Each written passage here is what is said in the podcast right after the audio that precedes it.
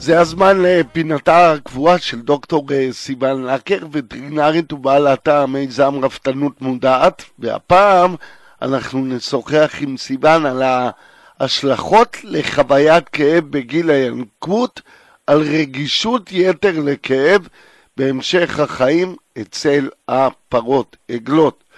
בוקר טוב, דוקטור אה, סיוון לקר. בוקר טוב, דורון. מה שלומך? ברוך השם, מה שלומך? אני לא רואה כמו שאמרתי ברעיון הקודם, אה, זה די נחמד לבוא מהרפת לפה. זה, כן. זה נחמד. רק אז אין אה, הרבה שעות שינה. כן, מה? רק אין הרבה שעות שינה. שעות שינה זה לחלשים. אה, סתם. לענייננו, אה, כאב. אז האם לכאב שחווים בגיל צעיר תהיה השפעה על איך שאנחנו חווים כאב בהמשך, בהמשך חיינו כבוגרים? התשובה היא כן. אמ, אם עוברים איזושהי פרוצדורה מכאיבה אה, בתקופה שזה סמוך ללידה, יש לזה השפעה על איך שאנחנו תופסים את הכאב בזמן החיים הבוגרים שלנו. אם אנחנו מדברים על תינוקות כרגע, אז יש מחקרים שמראים שתינוקות שעברו ניתוחים או סבלו מפציעות של כוויות בשלב מוקדם של הינקות, אז מצאו שהם רגישים יותר לסטימולציה של כאב בהמשך הילדות שלהם וגם כבוגרים. ויש משמעות לזמן? כלומר, אם חווים את הכאב בגיל קצת מבוגר יותר ולא ממש קרוב ללידה, אה, אולי תהיה לזה כבר פחות השפעה על המשך החיים? כן, זה, זה ממש נכון, זאת אומרת, זה, צריך למצוא את חלון הזמן ששם יש את ההשפעה הכי גדולה. יש כל מיני מחקרים אה, שבדקו את חלון הזמן הזה, שבו לחוויה של הכאב יש השפעה על הטווח הרחוק.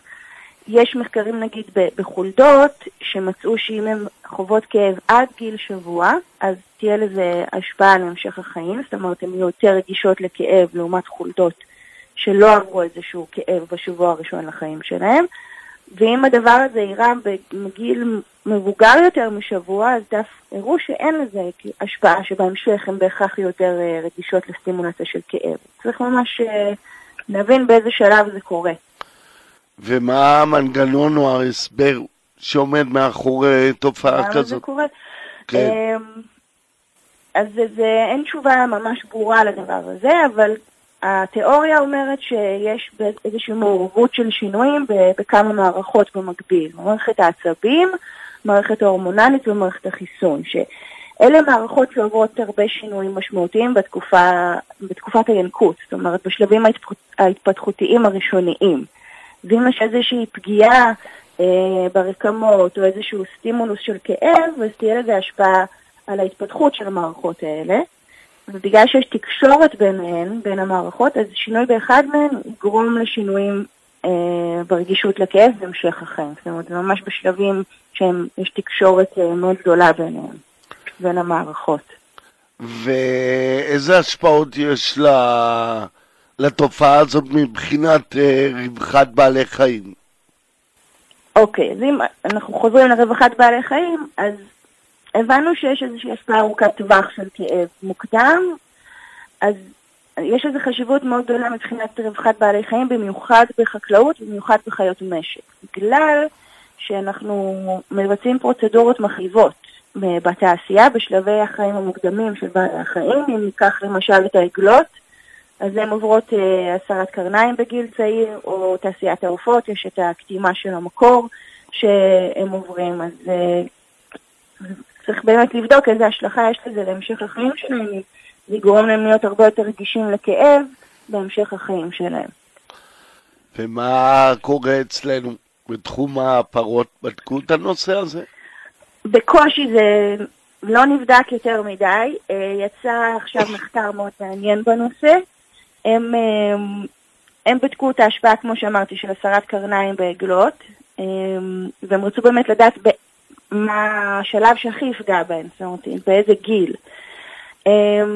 אז הם רצו לבדוק איזה השפעה יש להסרת קרניים על התגובה של, ה, של אותן עגלות בהמשך. זאת אומרת, אז הם בדקו את התגובה שלהם לכאב בזמן החיסונים כמזכירות. אז הם בדקו את זה בכמה גילאים, הם הסירו קרניים בגיל שלושה ימים, 35 ימים ו-56 ימים מההמלטה, ואז בדקו את התגובה לכאב בזמן של החיסונים באותן עגלות כשהם הפכו למבקירות. הם מדדו את הקצב לב, לב שלהם בזמן החיסונים, את הטמפרטורה בעין, עוד כל מיני מדדים של, של סטרס ושל כאב, והם מצאו שעגלות שהסירו להם את הקרניים בגיל המוקדם יותר, שזה השלושה ימים והשלושים וחמישה ימים, הם היו יותר לחוצות בזמן של החיסונים והראו יותר כאב. הקצב לב שלהם היה מוגבר יותר, זאת אומרת, לעומת אלה שעברו את החיסונים בגיל המבוגר, את הסרת קרניים בגיל המבוגר בגיל 56 ימים. אז יש איזושהי, איזשהו כיוון, למרות שזה מחקר אחד. אבל מצד שני, אם כן. אני מסיר את הקרניים ב-56 יום, זה כן. כבר קרן, זה כבר לא נץ כמו שזה נכון. בגיל הצעיר, ואז כן. הן סובלות יותר. שוב, השאלה היא איך אתה מסיר קרניים. אני תמיד ממליצה להסיר קרניים בהרדמה, נותנים להם זריקה של הרדמה אה, ועם אה, שיכוך כאבים והרדמה מקומית. ואז הן לא אמורות, ואז זה נעשה נכון. כמו כל פרוצדורה של ניתוח, שהן לא אמורות להרגיש את הכאב כמו שהם נכון. בלי שום אה, חומרים שאמורים לעזור להם.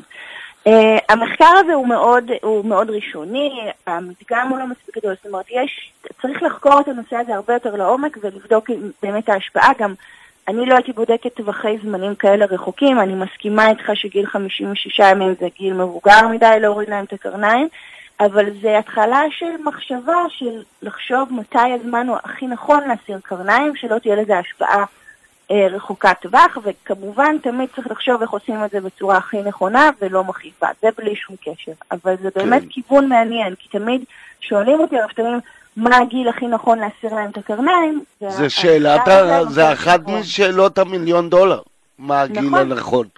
בדיוק, אז עכשיו המחקר הזה נותן לנו איזשהו כיוון שקודם כל יש משמעות לגיל, ואולי צריך להמשיך ולחקור את הדבר הזה, כי לדעת באמת מה הגיל הכי מתאים. ובלי שום קשר אני תמיד ממליצה לעשות את זה בהרדמה ועם שיכוך כאבים כמו שצריך. כן, ואז הם בעצם לא יזכרו את הכאב. אנחנו מקווים מאוד, כן, כן. בדיוק. כן. כן. אה, דוקטור סיוון לקר, וטרינרית ובעלת המיזם רפתנות מודעת, אה, תודה רבה ששוחחת איתנו. תודה לך, טוב. ושיהיה בוקר טוב. ביי ביי. ביי.